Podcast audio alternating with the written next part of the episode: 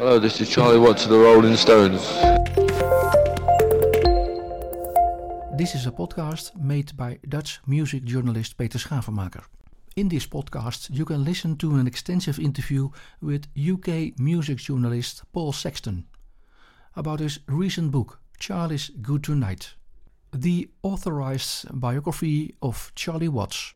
I think he would be appreciative of it. I hope he would think that I did a good job but at the same time, he, he, he would say, what, what are you making all that fuss for? Charlie Watts passed away on August 24, 2021, at the age of 80. This is a news clip from that day. ITV News. Charlie Watts, often cut a somewhat enigmatic figure behind the Rolling Stones drum kit. He said very little and preferred to go his own way. But today's announcement of his death at the age of 80 robs the Rolling Stones of one of its founder members and rock of one of its legendary musicians. Charlie's Good Tonight, written by Paul Sexton, is the Stone story through Charlie Watts' his eyes. This is Paul Sexton. Yes, that's right. I think I was very um, keen to make sure that everyone understood, including the publishers, that it, this would not be yet another uh, Rolling Stones history because you know there have been so many, and uh, I'm not sure the world really needed another one, you know, like that. But uh, the idea was always to, um, you know, to sort of tell that story through, uh, you know, through, through the way that it affected Charlie, and then also to, um, you know, to to to paint a picture of his whole life, not just as a member of the Stones, but in everything else he did, you know, from growing up and uh, you know in his early years, and of course all of his uh, work in the in the jazz uh, world as well. Mm. Was that the main goal from from the start? This approach. It was, yeah. I think that was um, you know the way to to try to make it stand out a little bit, and um, the thing that a lot of people have have said to me is that even though everyone knows Charlie's name, and you know there's there's some point of connection, um, even for people who are not Stones fans. But no one really knows that much about him, you know, he, because he was such a private man mm-hmm. um, and kept every, you know, kept himself to himself really. Um, there, it felt as though there was a, a, a, lot to tell, you know, a lot of, a lot of potential there to uh, to dig a little deeper into his uh, into his own life um, and the way that that's uh, impacted on the Stones and and vice versa yeah but also uh, on, on the other hand you also write it in the book it was exciting at at one time and and and the other side it was also doomed because he was so private so it, it could have been hard uh, uh, to get all details and uh, uh to, to get in his private life. Was it was it ex- exciting and doomed at, at, at the same time? Or yes, I mean the original idea that we discussed a couple of years ago was for me to work with Charlie on his autobiography, um, and uh, you know we we developed that idea for a little while, and I, know that uh, you know he the, the, the idea reached him, and uh, he didn't dismiss it out of hand, which I thought he might, because being such a such a private man, I you know I, I wasn't sure that was ever going to work really. That that was the part that that felt a little doomed because. Um, it's not the kind of thing that I, I think he would ever have done, you know, an autobiography. So I don't think it would have had the ring of truth about it. Um, also because he even in in conversations with Charlie, he's quite a reticent man, um, and it, I think you know writing a book like that with him would have been very difficult. So even though it's in, in very sad circumstances, it made a lot more sense as a biography because it gave me and all the contributors, you know, his bandmates and friends and family, uh, gave all of us the chance to uh, pay tribute to him uh, in a way that you couldn't do if obviously if it was an autobiography. No, but but does does it feel like a uh, um, you know uh, between strings like an approval from Charlie? Uh, you you did the right work because uh, you have uh, talked to him about the idea, working mm. on a book about him. Do you feel that way or? I do, yes, and actually, it's it's strange, really. There's, there's kind of a an, an echo in in uh, what happened with, you know, his his um, sad death last year, which you know, in the sense that um, when Steve Jordan came in to, st- to, to stand in for Charlie uh, uh, on the drums, mm-hmm. Charlie had given that his approval. Um, so I think the band felt so much better about it for that reason. And, and it, it, was his crown prince. It was his crown prince, yeah? and uh, Jeopardy. Uh, you write in the book, soon. Yes, that's right. And in a strange way, that, that that's kind of the, the, how I feel about about writing the book because um, you know he he was aware that I was uh, you know wor- working on on it and um, the next step of course the, and, the, great thing was getting the approval of Charlie's family mm. um, to to write it and that's how we've been able to call it the authorized biography because uh, his family have been so wonderfully helpful and, and gracious in in their uh, contributions to the book that uh, that kind of gave it the seal of approval. Yeah, the the, the trust uh, you build up with the Stones in in the last uh, 30 years, because I think you uh, started out uh, interviewing them about 30 years ago in, on a regular basis. How would you define uh, the trust? Well, it's it's a hard thing to define really because it's something that you don't realize is necessarily happening. Nobody ever says anything to that effect, of course. Um, you just realize, I suppose, that as the years go by and you keep getting asked back um, to do another round of interviews, um, that that's that that is what is slowly developing. Um, but you can't push it. It's not one of those things that you can make happen. And I think if you did try to push it, it, it probably wouldn't work, you know, because um, with the first time I interviewed, in fact, the very the very first interview I did with with any of the Stones was was with Bill um, mm-hmm. in 1989 when he was still in the band. But we it, it, actually wasn't even an interview about the Stones. It was when he was opening his uh, Sticky Fingers restaurant, and um, I was under strict instruction. I remember not to talk about about the Stones at all.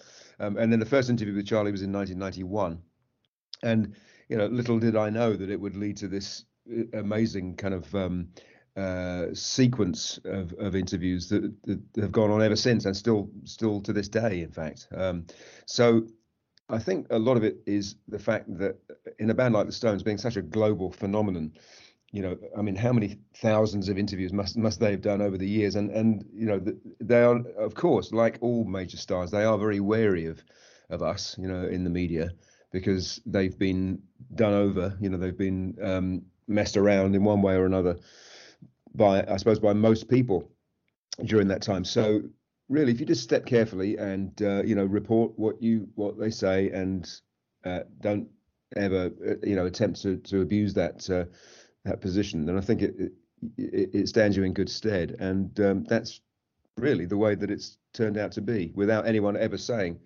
you know. Uh, anything about it out loud. It's just uh, one of those things that you realize is is happening, you know, again and again. Do you feel part of the Stones family? Because they, they always say there's a kind of a Stones family.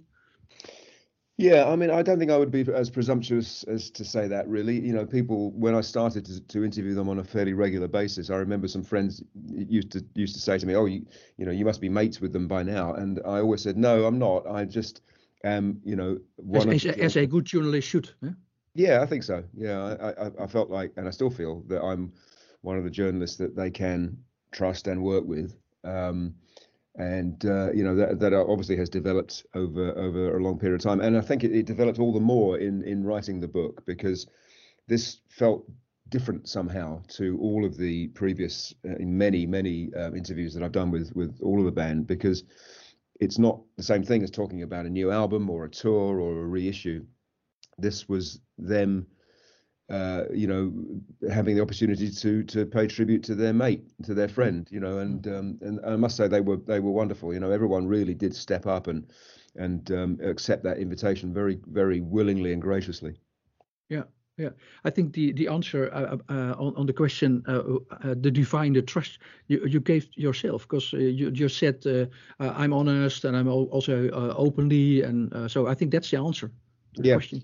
I think that's right. Yes, I mean, obviously, you, over the years, you begin to realise that you know through knowing not just the band in all of these many interview situations, but all of their management team and uh, publicists and everybody else. Um, you know, in fact, the Stones UK publicist is one of, is one of my oldest friends in in the business, and you know we go back go back a very long way.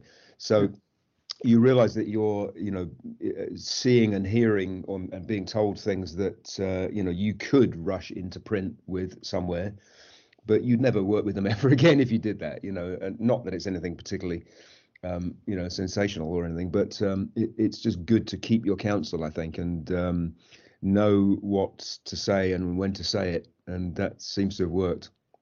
Yeah. Have you ever thought about uh, writing a book about the stones themselves or because there, there are bookshelves full. Yes. Uh, uh and, and they did every interview in the book uh, uh, uh, also. So Yeah. what can you write new? Uh, That's right. Yes, I mean that's really how I felt about it, you know, and that's why I resisted the idea to do a straightforward Stones history, which, yes, it would have included my my many many interviews, but I don't think it would necessarily have have uh, shed a great deal of new light on on things in the way that I hope I, I've been able to do with the Charlie book. Um, Yeah. So it it felt like this was the right approach. Uh, I think the saddest part was, uh, as, as you also write in the book, uh, to be writing about him in the past tense. Mm. Uh, is it's sad. Uh, um, but was it the diff- most difficult part to write the book? on? Yes, that's right. And in in a funny way, it, that still feels strange now. You know, we're over It feels strange to to read also. Yes, exactly. And um, uh, quite a few people have said to me how how sad they found it. It's strange, isn't it? Because you know it's one of those things. You know what's going to happen. You you know what's coming as you get near the end of the story. Um, but it's um, still quite hard to to accept the fact that uh, that Charlie's not with us anymore. And uh, you know, seeing the band live on the 60 tour, as I was lucky enough to do twice. Um, in, in the opening night in Madrid, and then again in uh, in, in Hyde Park in London, um, still an amazing spectacle. I mean, fantastic to watch, but uh, but strange. You know that you can't deny that it's uh, great as Steve Jordan is. It still looks kind of odd to look on stage and see somebody else at the back there. Yeah. So so you understand Ronnie when he uh, also says in your book, we just get on with it. eh? We just took off. Uh, there was no.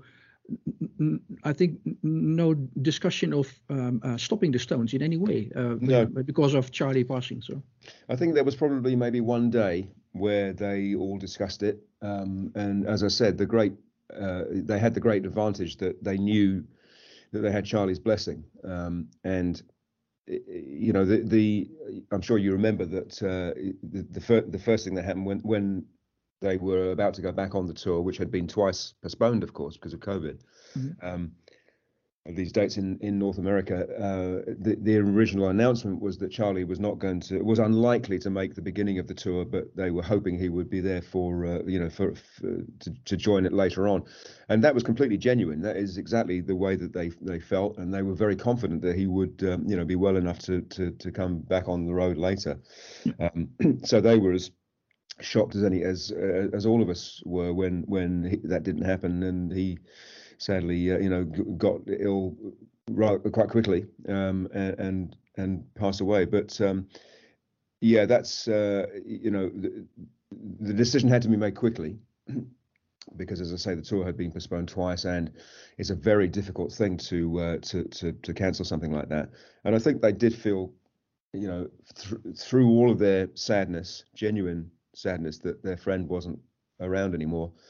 Um, they were confident in in their decision that they should go on without him, and I I really do think it's it's exactly what Charlie would have wanted because Charlie, being such a selfless person, would have been horrified at the idea that the Stones would have stopped because of him. You know, I think he would definitely have wanted them to carry on. So um, it, it it felt like the right decision. This is a podcast made by Dutch music journalist Peter Schavenmaker.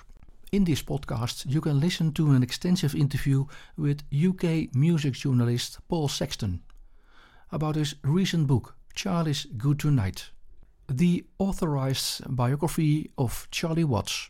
yeah, I think he's in, in that way still a an, an, engine of the Stones, uh, but uh, not on stage, but still an inspiration uh, as an engine also. Yes, that's right. And um, you know, the the rea- you saw the reaction when they played the uh, you know the video tribute to him. Of course, they they posted that online when when he passed away. But to see that in the, in a giant stadium, you know, to see the reaction to to it, the, the lovely compilation of of clips that they had um, at the beginning of the show was was was very moving. You know, just to just to to sense how how deeply they they felt it. Yeah, it was so extraordinary uh, um, to see uh, the whole band so emotional and and uh, and Mick almost breaking down on Yeah. stage. Uh, how do you how do you watch those uh, uh, moments? Well, I think a lot of people found it very interesting, and particularly with Mick, because you know he's not somebody that necessarily always betrays those kind of emotions. And that's what I mean. So, uh, Yeah, so I, I, you know, people got to see another side of him. I think, you know, because uh, and and I, I hope that comes through in the book as well, in the way that he talks about about Charlie. Um, we had this this conversation, you know, quite only a few months ago, and um, I know that he was very keen to to to uh, to make sure that people understood the the depth of of their um, personal connection between the two of them and the way that um, that Charlie had, uh, you know, the, the effect that Charlie had, had had on all of their lives. But that is something that I know I've been so lucky to see that, uh, you know, over the course of 30 years or or so.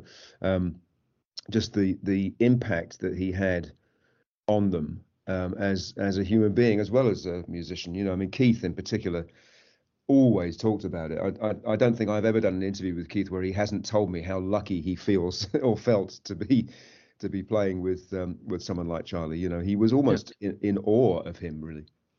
Yeah, because they had a, a connection also. Eh? Uh, yeah. Uh, like a physical connection uh, with each other, so uh, emotional connection, and uh, yeah, yeah it, right. it's a it's a it's a really different uh, image from from Mick, also from your book, in, in compared to the uh, bio uh, Philip Norman uh, wrote, in, in which he was presented as a kind of a robot with no human things at all. So it's it's quite interesting to see the difference between between Mick Jagger. So.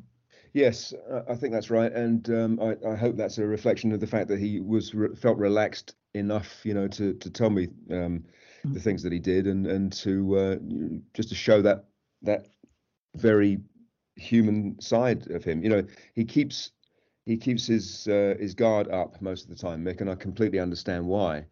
You know, he doesn't uh, often um, necessarily want to show that sort of softer side of his of his personality. Um, and again, it comes down to the fact that he's been so misrepresented for you know for, for well 60 years really, um, that uh, you know he, he's cautious of of doing that. But uh, to hear him talk about Charlie and and really just to say how much he loved him, you know, and to, and all of the things that, that drew them together, going to the cricket together and working on the designs for the Stones uh, live shows, uh, you know, and some of these are things that not everyone knows about. Um, you know, Charlie's role in those things. Um, from his background as a graphic designer, you know, he was very important to to that side of things. Um, yeah. But still, are, are, are, those the revelations uh, you made in your book uh, uh about I, the design? I, and I think people, I wouldn't say revelations. I think people knew about that stuff. You know, anyone who's interested knew that Charlie was very important to to, to that uh, that part of the Stones operation. But um, it was nice to go into some detail about that, and uh, you know, it's something that Charlie was very proud of. You know, he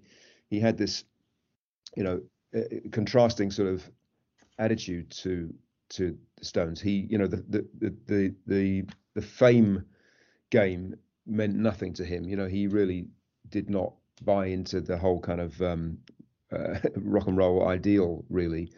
But at the same time, he was extremely proud of of the band as as a as a group. You know, as a collective. He he he knew that they had done good work. Um, he would kind of deflect any personal um, praise about it. It was quite hard to pay Charlie a compliment, really, you know, either from yourself or from relayed from somebody else. I can remember, you know, talking to him and saying, you know, oh Keith, Keith thinks you're wonderful, and uh, and he he would always make a joke of it. He'd say, oh really, you know. He always had a one-liner about it, I think. Yeah, exactly. Yeah, he'd say, oh, when did you last talk to him? you know, so it was hard to. Um, to, to pay him a compliment. But um, as a, uh, from a collective point of view, you know, he knew what what the Stones had done, and he was very proud of it. Yeah, one of his large fingerprint is is it in Sticky Fingers? Because Mick says his involvement was large in the overall package in your book. Yes. Uh, uh, with this project, is that the large uh, uh largest fingerprint uh, regarding the design? Or? Um, it's it's one of them for sure. Yes, I mean uh, not so much on the famous um, you know zip cover itself, but um, you know other other elements of it. And Mick went into some detail, you know, when we had the the, the recent conversation um, about Charlie's involvement in in that and and design in general and and how they would uh, you know talk about that and Charlie would give Mick um, you know books on the subject and books about typefaces and design of, of all kinds you know and uh, that's a side that, that no one ever really sees, you know. Um, and maybe they shouldn't. You know, it's quite good that people don't have to necessarily uh, think about the the, the, the design of a Stones show or the look of an album cover. Um, but Charlie was very involved in in in many of those, you know, and and the look of some of the videos as well. Um, and uh, you know, just this kind of quiet authority at, at, at the back, always, always at the back, but always very important. Yeah, yeah, yeah. A genre of its own, eh? I think. Yeah, that's right. Yeah, um, yeah. And and not like you know, very, most unlike the uh, the the kind of uh, archetypal rock and roll um, figure, um, and mo- and very unlike most other rock and roll drummers, of course. Yeah, and not a cliche rock and roll. Uh, no, artist. no, no, not at all. Un- that's right. Completely uncliche. Completely, you know, his own man, um, comfortable in his own skin, not wanting to play the the game uh, the, uh, at, at, all. You know, just just approaching it in his own way. Yeah, uh, uh, the part you, you write about uh, he uh, pulling apart a banjo and finding his first snare drum yeah. and having his Christmas present in 1955. How much aware were you about those moments? how much did you find out for the book? I think it, it, the great thing about doing this is that it's given me the opportunity to to, to you know, dig deeper um, into all of these subjects. I had a, I had a, obviously a, you know a, quite a a, a um, detailed um, awareness of of a lot of the the, the, the stories of, of Charlie's life. But speaking as somebody who you know has worked in newspapers and magazines for you know 40 years or more, um, it, it is it is nice to have the opportunity just to, to, to literally to, to, to write about something in, in so much more detail. Um, and that's when you begin to, to to find out some some more of those things. And uh, yeah, I mean those early years. Um, I often think it's it, it, can be among the most interesting uh, periods of, of, a famous person's life is to talk about the years before they were famous. I certainly found that about in in Keith's book, you know, Life that came out in 2010. Mm-hmm. Um, I, I, thought a lot of the most interesting uh, parts of that book were him talking about growing up, you know, and uh, being a war baby as they were, and um, you know, growing up in in the very pretty bleak um, Britain of the of the 19 you know late 40s and 50s, um, and the same thing for Charlie. I think you know he was uh, Charlie and Bill really were the two working class members of the Stones. Yeah, they, they also uh, uh, call themselves because I, as, as I told you, I interviewed Bill, mm. and, and and and he says also I I was a working class. Here are some quotes from a 2002 interview with Bill Wyman. Because I am, yes, absolutely proud of it.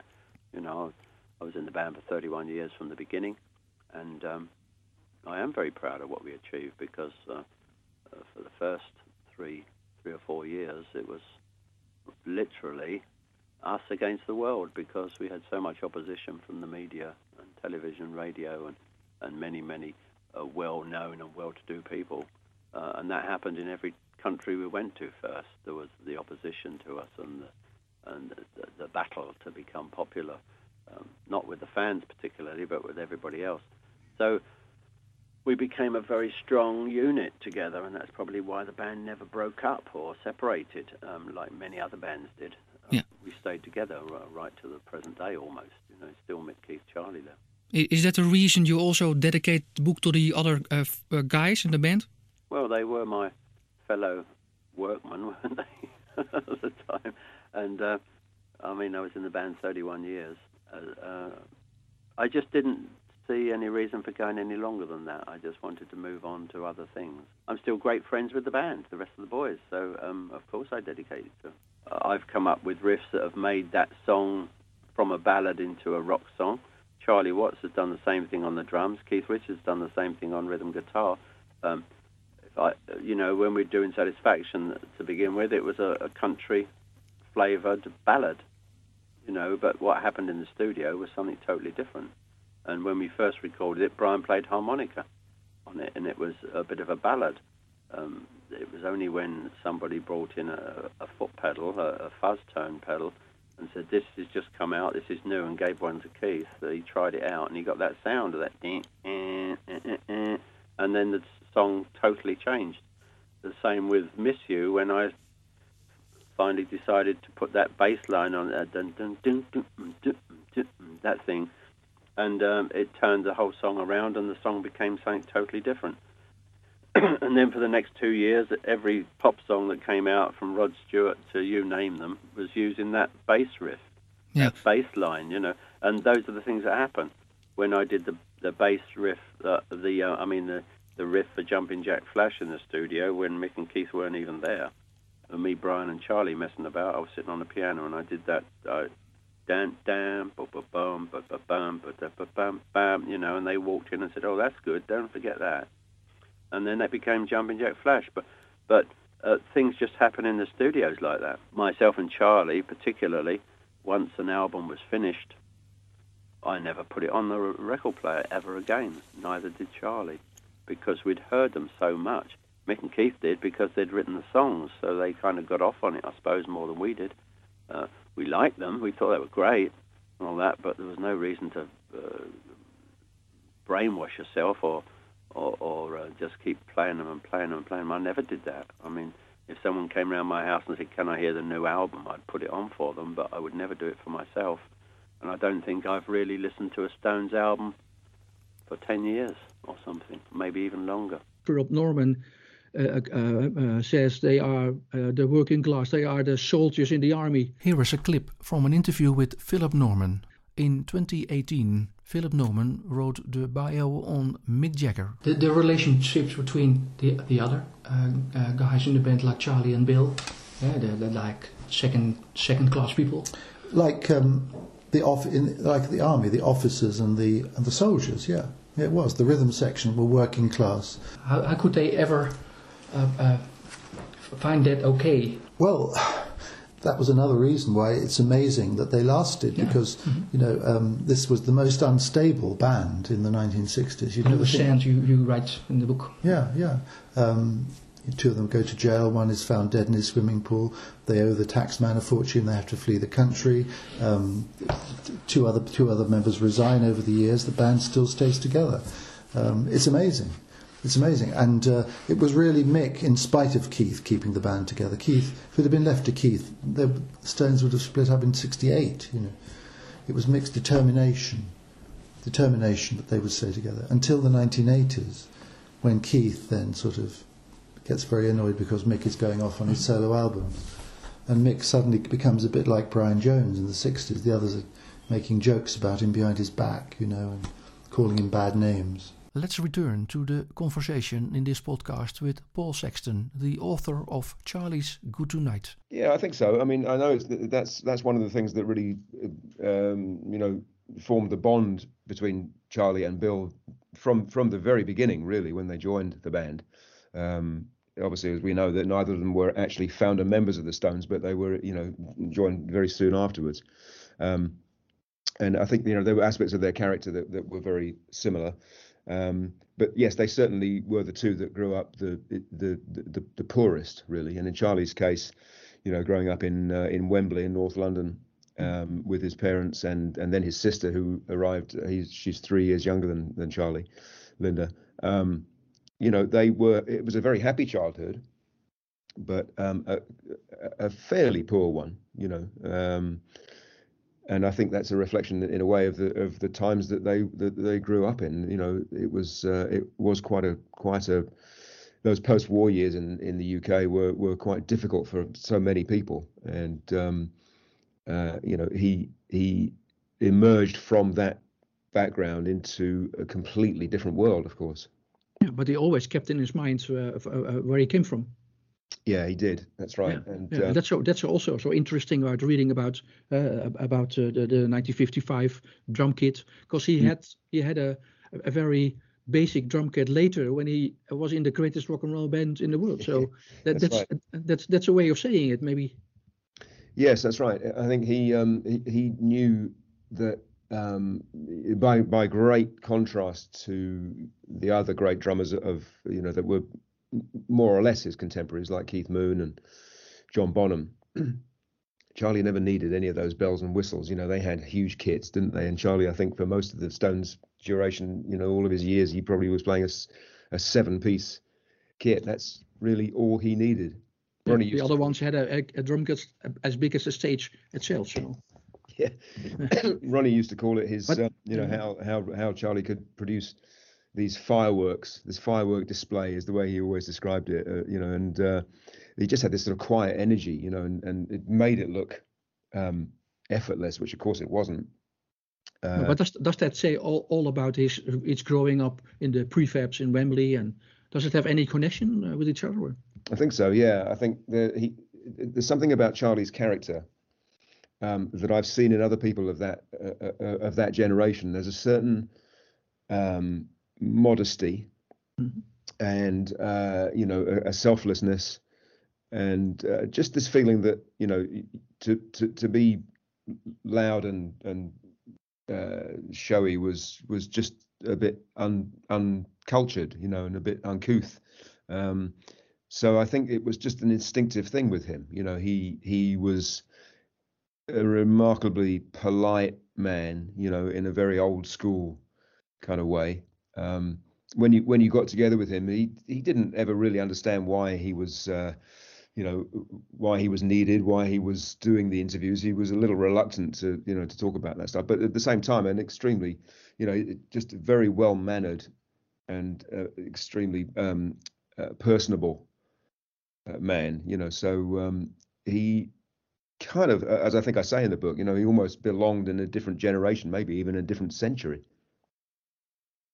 Yeah, he, he, was. uh, He said in the book also. I, I was I was born in in 1810, so he, Yes. maybe he's he's an 1810 rock star. Maybe. Yes, that's right. It would have made him the first, wouldn't it? Yeah, yeah. Uh, well, working with Beethoven and all the other. yes, uh, that's right. Yeah, roll yeah, up. Yeah, that's what Keith also says uh, in the book. So uh, yeah, that's right. Yeah, yeah, yeah. Yeah, Yeah, I- I- uh, yeah. Keith, Keith. I mean, the, the great thing about you know any conversation with Keith is he's, I think he might be the most quotable man in in in music. You know, he's he's such a joy to talk to because he's incapable of expressing a dull um, uh, thought. You know, anything he says is is just uh, expressed with such imagination and humor all the Yeah, time. yeah, and yeah. Uh, and and in the case of when he talks about Charlie, it's just with this great sort of reverence as well. You know. Mhm, mhm. The uh, the word soldiers I just used uh, uh, um, uh, uh, with um, uh, Mick and Keith being the officers in the army. how, how, how would you say that? Is is that a, a thing you you recognize or? Well, it's interesting that, that you know as you as you look at the the way that the Stones evolved, um, and it's an extremely long history, of course.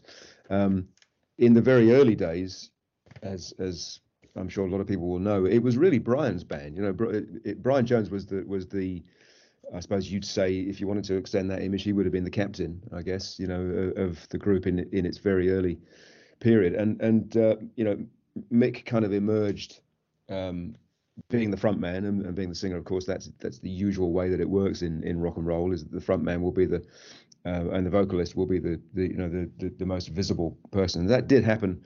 Um, you know, fairly soon. Took a little while. It's interesting actually to as I was going and researching the book and quoting from early newspaper, um, you know, music paper interviews and so on. Um, it's very interesting to see how um, uh, how uh, Keith's role changed over the years. You know, he was really.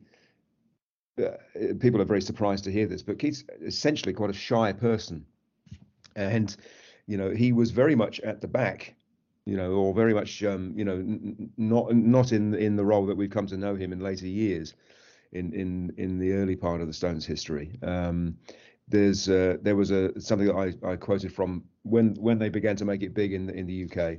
Um, there was a, one of the music papers did a poll, um, like a popularity poll. You know, who's your favourite Stone? Uh, this would have been in I think 1964, and uh, Mick Mick came top, but only just and the person that he beat uh, for for that was Charlie. Charlie was actually the you know in second place, and Keith was last in that bowl. So it shows you how the the roles that we now uh, have assigned to them, and and the sort of uh, image that, that that they've had is not the one that they started out with, really. You know, and uh, it, it, it the roles evolved over quite a long period of time.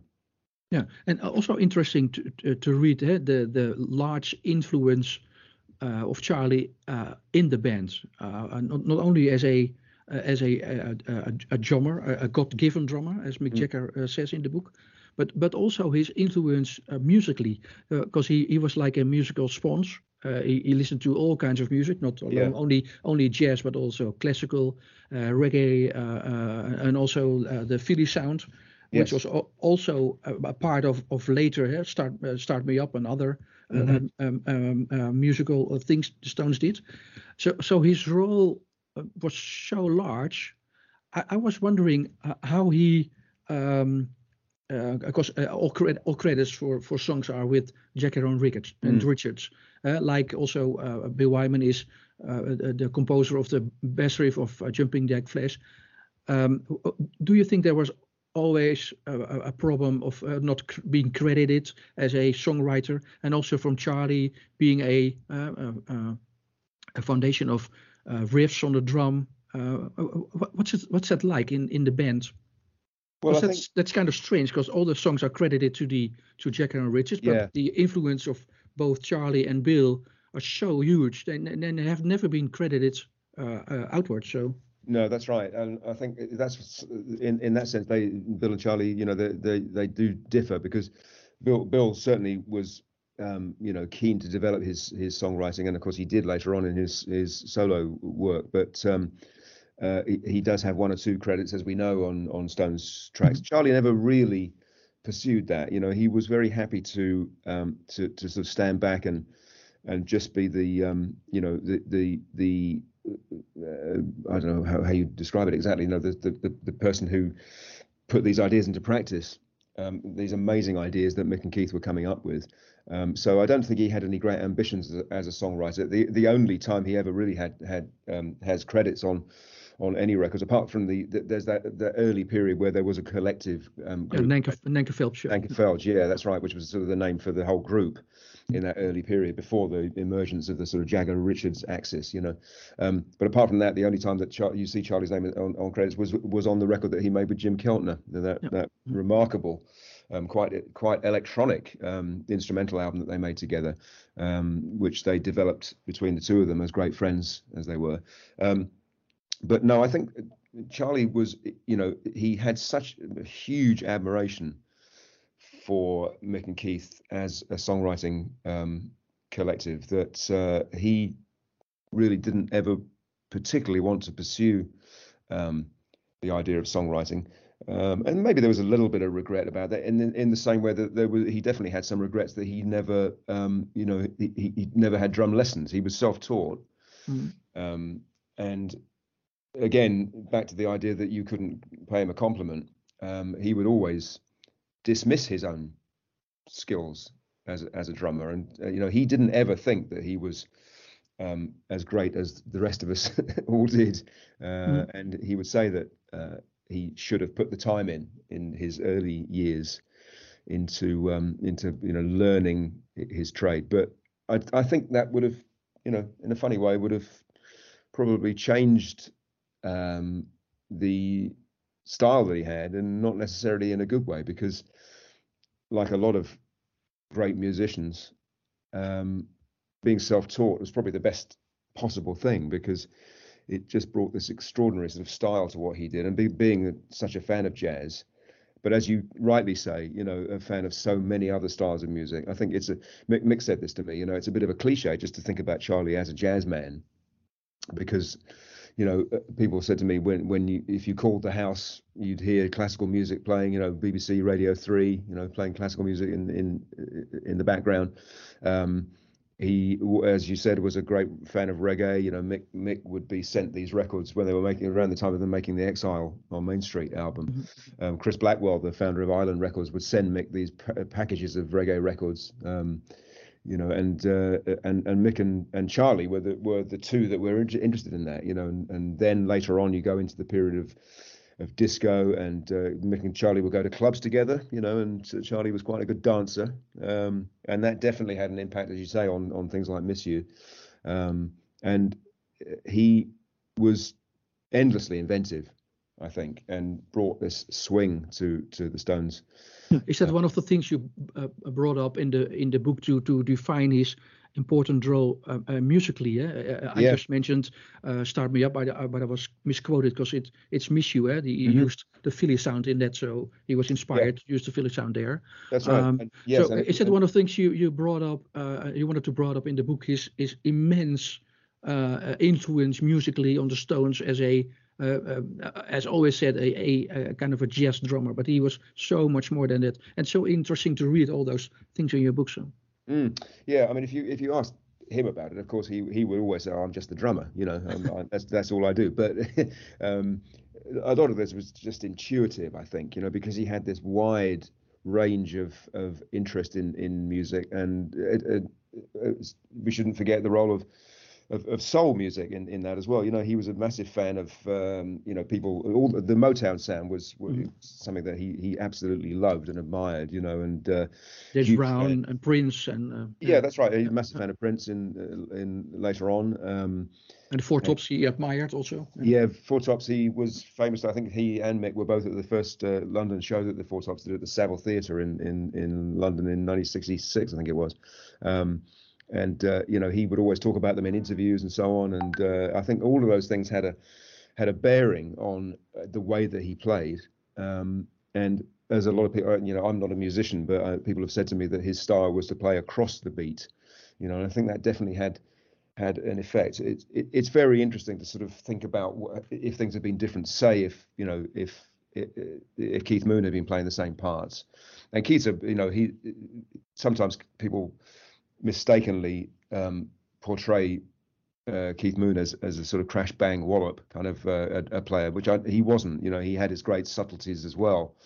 Um, I was listening to the drum part in my generation the other day. You know, somebody did one of those things on YouTube where you you just get the drum part on its own, and it's incredible. You know, I mean the the subtlety and the and the, the just the combination of subtlety and power that he brought to that. And that's the same thing with Charlie. You know, if you listen to, to a lot of the Stones uh, classic 60s hits, um, whether it's, you know, what he was doing on 19th Nervous Breakdown or, um, uh, you know, Jumping Jack Flash, of course, uh, or any of those, you know, and in the days of probably four track recording at best, um, he brought just this incredible depth to what they were doing and uh, easy to miss it. I think you know in, in the days when um, the the melodies were so strong on those records, of course, that those were always going to be the things that got the attention. But um, you know to have someone like Charlie, you know, doing what he did and bringing this great creativity to it was an enormous b- bonus for the Stones. This is a podcast made by Dutch music journalist Peter Schavenmaker. In this podcast, you can listen to an extensive interview with UK music journalist Paul Sexton about his recent book, Charlie's Good Tonight, the authorized biography of Charlie Watts. Yeah, would would it be fair to say if if Charlie wasn't involved in that way, uh, or maybe wouldn't be the drummer, they they would have stayed a, a blues band uh, as they were starting up. Uh, um, Quite possibly, yeah. It's interesting, isn't it, to think about what how Yeah, it might yeah, have happened. Um, of course, he didn't think it was going to last at all. No, know, he's- as as you you see all as, ma- as many did uh, uh, uh, Yeah. the last the lasting of the Stones, yeah, maybe a year or two years. Maybe a year. That's right. I think they all thought that. The Beatles were the same, weren't they? You know, we give it a year. No one had any idea that this could, uh, you know, develop in in the way that it did. Um, but yes, he coming from his uh, the background that he did, and, and coming through the sort of growing uh, rhythm and blues circuit of the early '60s, and working with uh, Alexis Korner, the great, you know, underrated star maker of that scene, really, and Cyril Davies, you know, also very important. Um, uh, that that definitely informed what the what the Stones uh, did, and uh, he was very proud of those early records. He loved the fact that Little Red Rooster was a number one single in the UK. You know, just about the only blues record ever to do that in in this country. Um, Keith was immensely proud of that too. You know that they were able to um, to interpret that and to take it take it back across the across the Atlantic as well um, to a new young audience um, because they were really paying tribute to their heroes. And Charlie's interesting in that sense too because his heroes were different. You know, obviously the, most of them came from jazz, whether it was Charlie Parker or um, you know any of the other mm, mm, people that he he listened to as a as a young man. Um, he wasn't necessarily a big fan of rock and roll, really. No, he, he says in the book uh, on page 24, blues to me was Parker's mood. I Yeah. never heard Ch- Chicago blues. I No. was never into rock and roll. I hated Elvis. So Yeah, what more can you say? Yeah. Uh, I know. Yes, very, very different, isn't it? It's the absolute opposite of just about any other, um, you know, interview that I've ever done with with somebody. You know, it, it's almost like a sort of default position that everyone will say that it all began with Elvis, and you know, he certainly didn't feel that way. Uh, it all began with Charlie Parker. I think Yeah, he would right. say. Yeah, yeah, yeah. Yeah, very much so for him. Yeah. Uh, uh, what was the reason he stayed in the Stones? Because he, he was such uh, a, a jazz man. He had his own uh, orchestras and Mm. with lots of success also with that, uh, uh, uh, um, making records. Uh, Yeah. what was the reason he, he wanted to stay in the Stones? that is kind of a great mystery, and I don't think he could even explain it himself. I mean, there's a the famous quote where he said that he, you know I've left after every tour since 1969, Yeah. um, and and they would always talk him back. You know, and I, I know that's true. He would say that to to his friends. You know, they talked me into it again.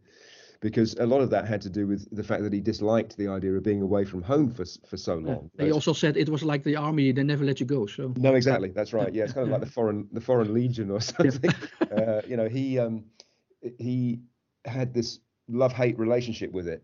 Um, it's one thing uh, making the records, and he enjoyed that. You know, he he loved being in the studio with with the Stones, and he often said to me that that was his favorite part of the whole musical process.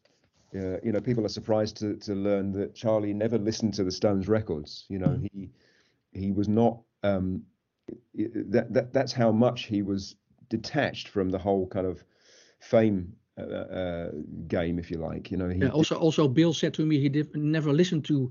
Uh, I never put on a record again. We liked them, but there's no reason to brainwash ourselves. He said. Mm. No, that's right. Yeah, and it's interesting, you know. Uh, whereas um, Charlie's wife, Shirley, you know, she was a genuine fan of Stones, and uh, you know, she's she kept a very low profile, but she said in a, a very early interview, uh, you know, soon after they got married, she said, "I love being a Rolling Stone wife," you know, and Yeah. she, she she went on the road with them quite often in those early years, and Charlie loved it when she was there, and so on.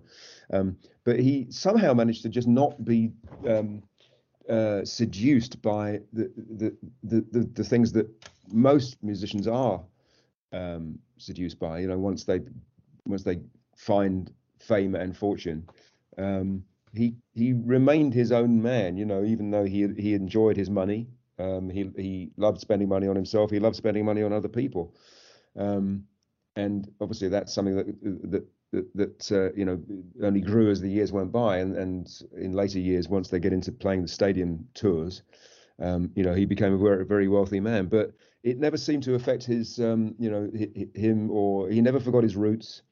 He knew exactly where he came from and was very grateful for for what he he'd been able to achieve.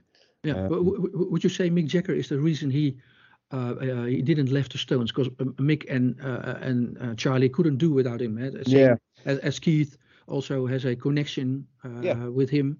Is that a reason maybe he stayed? I think it probably is, yeah, and I think that's more of a, um, a it's got far more to do with friendship than it has to do with music. You know, he in the last ten or twenty years, he would always say, "Well, if it stops tomorrow, that's fine. You know, if we don't tour again, that's fine with me. I don't, you know, it's it's not something that he would uh, be upset about." And I know people find that hard to believe, but I think it was completely genuine. You know, he he was amazed that it went on as long as it as it did. Um, but the reason when he said, uh, you know, they've talked me into it again, was I, literally he just didn't want to let them down. You know, because these these guys were his were his friends, his close friends.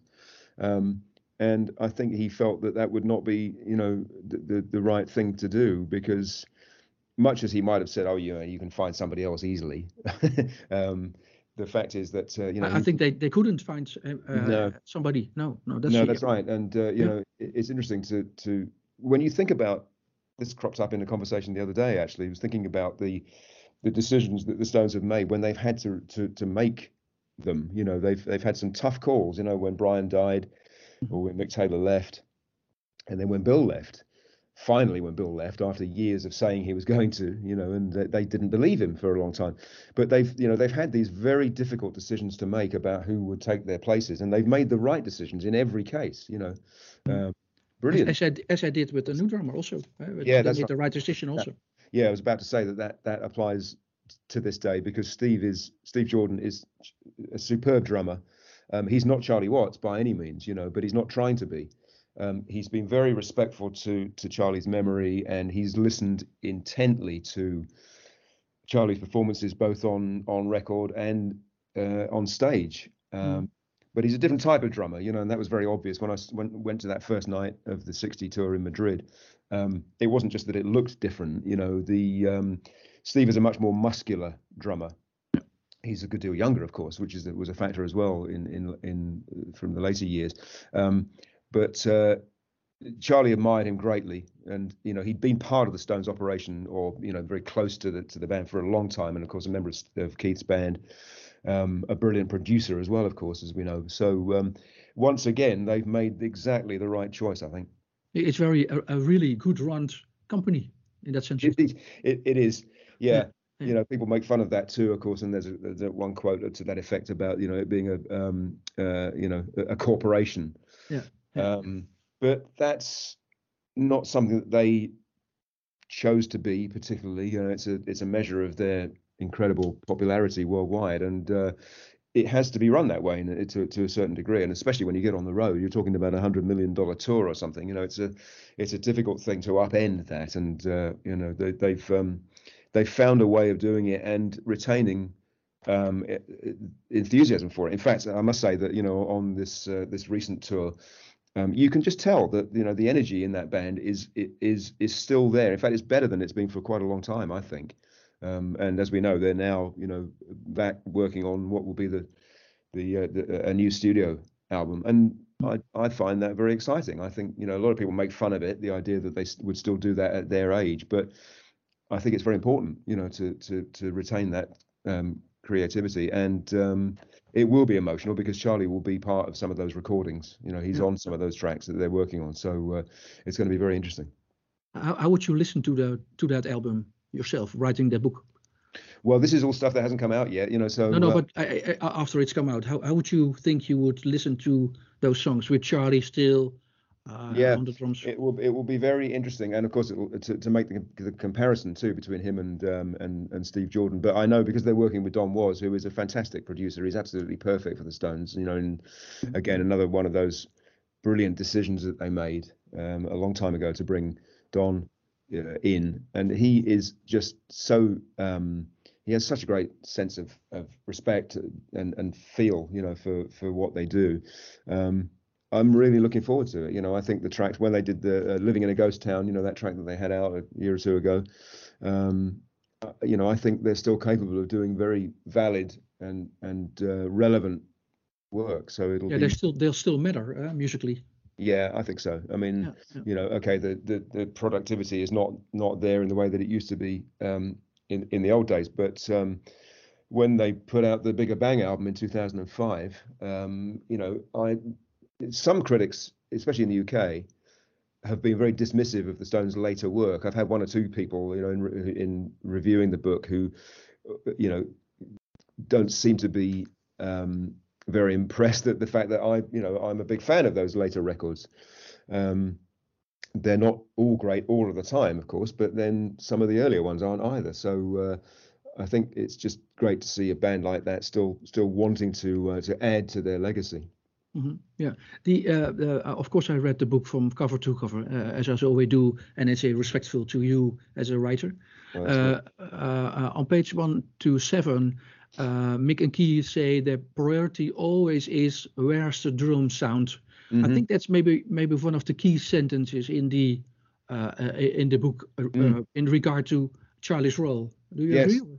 I would agree with that, yeah, and I've seen it too in, in action. I, I think I do describe this at, at, one point. You know, I've been I've been so lucky in in so many uh, occasions to, you know, to spend time with them and, and interview them in, in different locations in different countries. And uh, we u- always used to go to to um, they always used to rehearse in Toronto. Um, I think for three tours in a row, they would uh, you know rehearse for a tour uh, out there, and I went out to interview them on all th- you know three occasions in a row. Um, and on one of them, uh, we spent the day in their uh, the, the, the rehearsal space that they they took over for about six weeks or something. Um, and you know, you would just uh, wait for your moment to, to spend time with each of them individually. And uh, the last of those was was was talking to Keith quite late at night. I think it was probably about eleven o'clock at night. um, and they were still keeping very late hours in those in those days. This is in the nineties.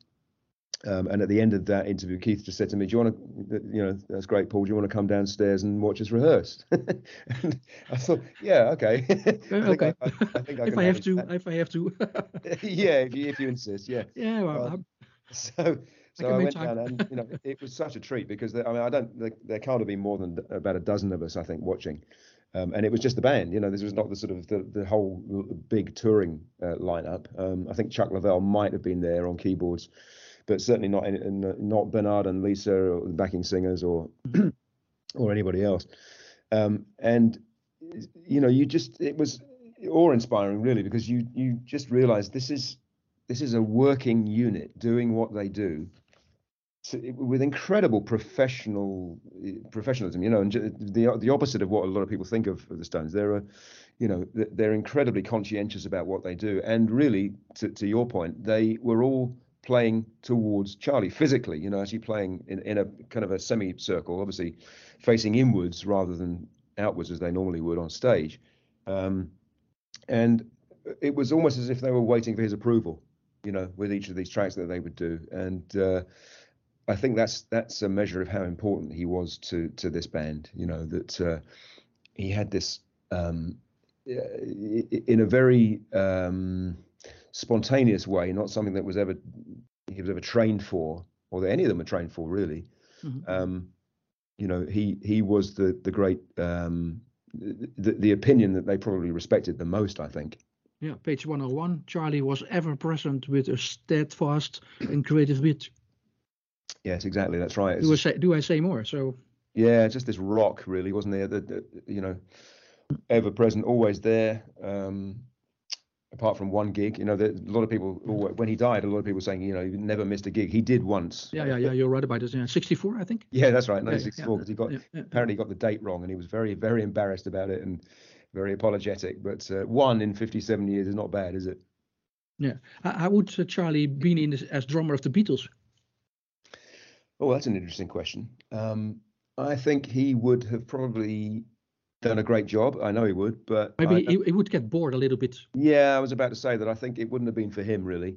Mm. I mean, he and Ringo were huge fan, uh, friends. You know, they they they got it on really well, and always stayed in touch. And and right through the years and through the decades. And Ringo was terribly upset when he when he heard the news.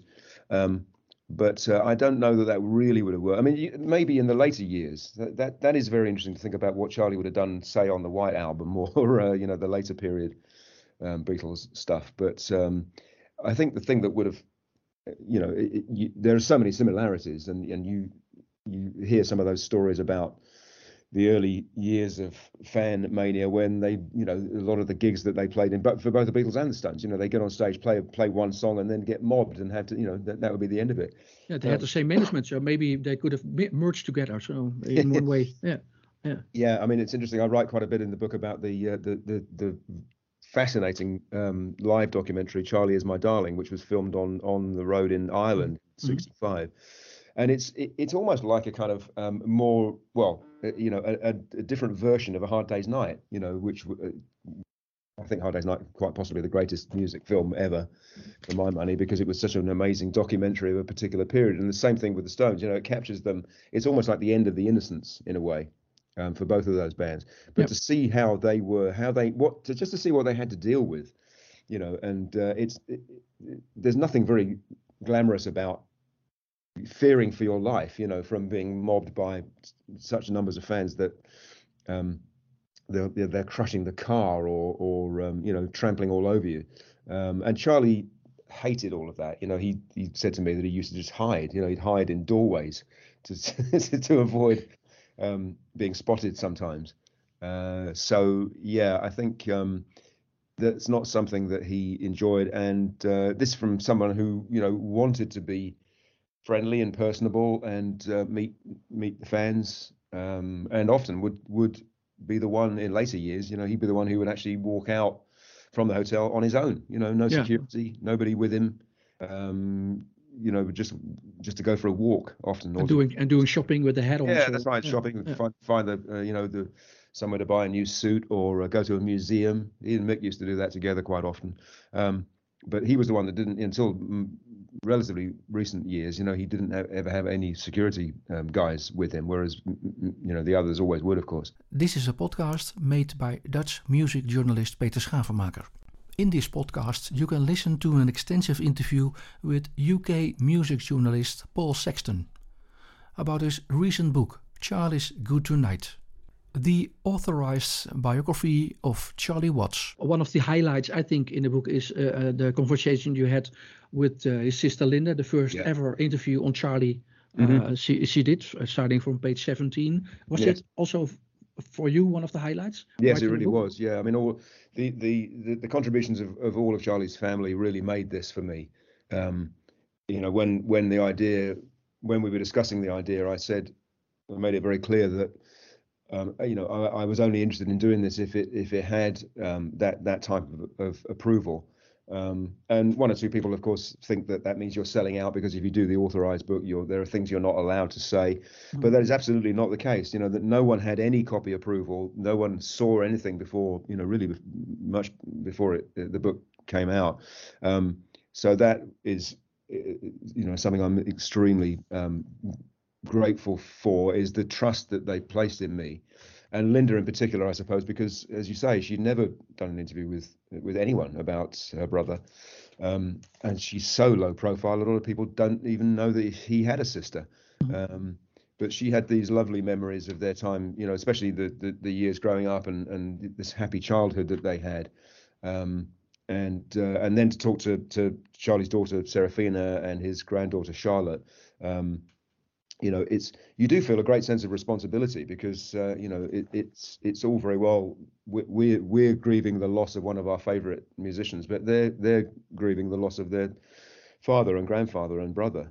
Um, so i you know it's one of those things you know you know they're they're they're going to read it you know they're going to see what you've written and um, uh, you know they, they, were so lovely um, for a family that are very very private and you never see photographs of them you never see them quoted at all. Um, so to to for them to give me that trust was was was lovely really. Yeah. Um, how, how, do you look at uh, uh, august 30th 2019 in uh, uh, the, the, last show mm-hmm. when we we know now yeah. with with charlie on the drums? How, how do you look at that date and concert and well, it's you know it's obviously now it, it's we didn't know it at the time as you say, but uh, that that show in Miami um, that turned out to be Charlie's uh, last, and it, it, seems all the more poignant because it took place in a, in a rainstorm. You know, there was, there was the hurricane mm-hmm. uh, was coming, and they they postponed the show before, and um, we have photos in in the book of. Um, of that, of them taking that bow, you know, what turned out to be the the, the last time. Um, so yeah, it's it is poignant. Um, I you always think that it's strange how that's changed in the Stones. We really have gone from the old cliche of this could be the last time to it feels like there will always be a next time, and that's mm-hmm. certainly how it feels right now. I think you know they enjoyed that uh, 60 tour so much. I'm sure that we'll you know we we we certainly haven't seen the last of of the Stones on stage. Um, but uh, obviously, you know, not with Charlie anymore. So there's a, there's a certain sadness about it. Yeah, does it make you emotional, or do you do you feel like being a journalist uh, have a distance, but also being a writer on his on his bio, maybe it, it comes a little bit close also. Yeah, it does. How do, how do, how do you stand in? It does. It is emotional, especially when you know, uh, being at that first show in Madrid, mm. um, mm. and the moment where the the video tribute was was played. Um, that that was that was certainly emotional. Um, Charlie's not someone you know I wouldn't ever be so presumptuous to call him a, a, close friend, but he's somebody that I was so lucky to spend quite a lot of time with over a, you know several decades, and um, it's uh, I, I, can only I can't begin to think what how that how that feels for for the family. I know it's still very raw, and I know that um, you know they've they've been reading the book, but but very you know it, it, it's upsetting because it's it's family, you know, and um, uh, my role is different from that, of course. But um, he he definitely somebody, one of the people in all of my years of writing and broadcasting about music. He's one of the people that really t- touched my life the most. Yeah, how would you define the, the genre? Because in the the BBC documentary My Life as a Rolling Stone, Charlie became a genre. They say. Uh, yes. Uh, are they right or? yeah, I suppose they are really. I mean, he, in the sense that he defined his own style, and I mean style in every sense, you know, both musically and and uh, visually, and and the way that he was as a as a human being. You know, um, he was so completely his own man um, that I think you can describe that as a, a sort of a genre in, in, its in its own right. And um, the, the the style that he brought to to the Stones as a as a drummer um, was this fantastic combination of of you know excitement and energy and subtlety um, that uh, it, it, that can't be replaced, frankly. Yeah, um, I think he, he, he will always be behind the beat, no matter what, in every song or every. Mm. Uh, do you do you agree or? Yeah, I think that, again that's um, an element of his drumming that um, that that produced this overall sound. Uh, Chris Kimsey, their later producer, um, you know, they worked with very closely on Some Girls and on other albums. Um, said to me that you know he he thinks it's something quite specific, or or at least part of Charlie's style comes from the fact that he never played the the uh, the hi hat and the snare at the same mm-hmm. time, which is very unusual, and uh, it produced that very sort of clean sound. Um, but the essence of the Rolling Stones, I think, on on record and and on stage, is that kind of loose feel, um, and Charlie was absolutely, you know, an essential part of of that. Uh, it, it's that idea, as they always they always said themselves. You know, it's it's just uh, always on the verge of falling apart, um, and it it it produces that kind of um, legacy. Yeah, that's right. But also this sort of uh, loose uh, uh, approach, which is is the essence of their appeal. It's a very hard thing to put into words. You know, it's a sort of intangible thing. Um, but it's a, like a kind of um, spontaneous feel I think, to to, to what they did. Yeah. And uh, you know, Charlie is absolutely you know central to that. Mm-hmm. Uh, could you ever imagine uh, while you were starting at 17 uh, uh, at Record Mirror, being a journalist, mm-hmm. a music journalist, uh, writing this book? Or? no, not really. And it, it's funny how you know, as I say, speaking as somebody who's been a um, a newspaper, a magazine uh, journalist and, and broadcaster, you know, for the BBC and and uh, lots of other people for so long. Um, you know, to, to be doing a book like this at this stage is kind of surprising in a very lovely way.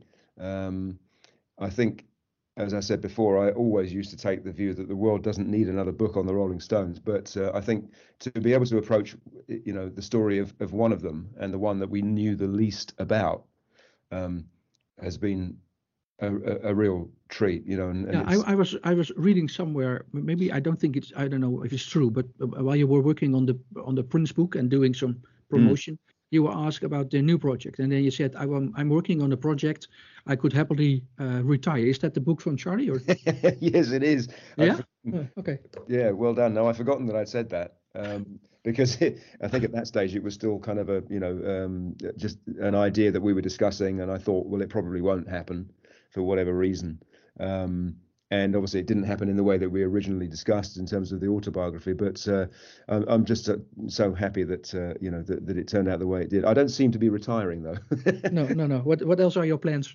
Well, it, it's interesting. People are beginning to ask me that a lot, of course, including the the, the publishers HarperCollins. You know, and, and obviously they're very aware of my connections to to the Stones. So there's a few ideas that we're discussing, both Stones related and otherwise. You know, and uh, they're still at the very early early stage. But um, because she also worked for the Stones in the background, uh, doing sleeves and uh, doing yeah. work for Universal, I think. So. Yes, that's right, and lots of light, uh, sleeve notes and so on. And, the, and mm. there's the, there are various projects sort of in the works. Um, that was funny actually. That you know at the same time that I was writing the uh, the book, I did I think I did two two separate uh, sleeve notes uh, for for uh, reissues. There was the you know the uh, the, the much heralded live at the El Mocambo um, release, you know from the shows in in Canada in '77 uh, mm-hmm. that I wrote the sleeve notes for, and then another one of the um, you know the live packages that, that become a sort of live bootleg series that have become a real you know um, sequence of releases. Um, so those were ongoing at the same time as the book, and there there are others in the works, um, you know, for for uh, future releases. So uh, there's there's always things going on in in in the world of the Stones. Yeah, they'll, you always be uh, in in the Rolling Stone world. Yeah. Also, find I find it interesting to uh, read. You were one of the first UK journalists to interview Shania Twain and Taylor Swift. Uh, you write also for Mm. other uh, country, which is interesting for me also. Yes. As a as a radio presenter of a, s- program with uh, blues and country and Right. all, all things. Uh, so how how are you enjoying you? How are you enjoying that other spectrum of the music? Well, I just love most music, you know, and th- there's there's not very much that I'm that, that I'm not um, you know interested in in listening to and, and writing about, and um, you know the whole sort of country and Americana scene, which has developed so much in the UK, especially in in the last ten or fifteen years. Um, that's always been an important thing for me, and even that connects up to to, to the Stones. You know, I, I wrote a piece for a um, a, a website, uh, a country web, website called Holler that I that I write for about the, the Stones' best country tracks, and there, there's a Yeah, I lot. saw that. I saw that one. Yeah. Yeah, yeah, there's a lot of them, and they do that very well. Although they always did it in a kind of, you know, sort of sending it up a little bit. You know, Mick always put on this silly, silly accent parodies. Really, Uh, there are other times where they just do straight country covers. You know, and um, they're, they're great. You know, they, they, I think I actually said in that in that piece, Brad Paisley said to me once, you know, not only the Rolling Stones the greatest rock and roll band in the world, they're one of the one of the greatest country bands in the world. um, so you know, they could turn their hand to anything, and it's fun to write about different things. Uh, you know, and, and uh, keep a broad sort of uh, palette. I think. Yeah. Last question. What would Charlie's one-liner be about your book? it would be something something like um i don't know why you bothered because he would be he, i think he would be appreciative of it i hope he would think that i did a good job but at the same time he he, he would say what what are you making all that fuss for Yeah. Why, why do you spend about 400 pages on me? yes exactly yeah he couldn't ever quite understand why anybody would make any fuss about him you know Yeah, yeah, yeah. Thank you so much for the for the nice uh, talk. Oh, thanks so much, Peter. It's been great talking to you. It's amazing to me, you know, so many of the interviews I've done, people have it, it showed that, they, you know, they haven't just read the press release; they've really gone into detail with it. So it's it's lovely. Okay. Okay. Thanks. Thanks. All the best, Cheers. Peter. Bye Thank bye. you very much. Bye. Bye. Bye bye. This is a podcast made by Dutch music journalist Peter Schavenmaker. In this podcast, you can listen to an extensive interview with UK music journalist Paul Sexton about his recent book, Charlie's Good Tonight, the authorized biography of Charlie Watts.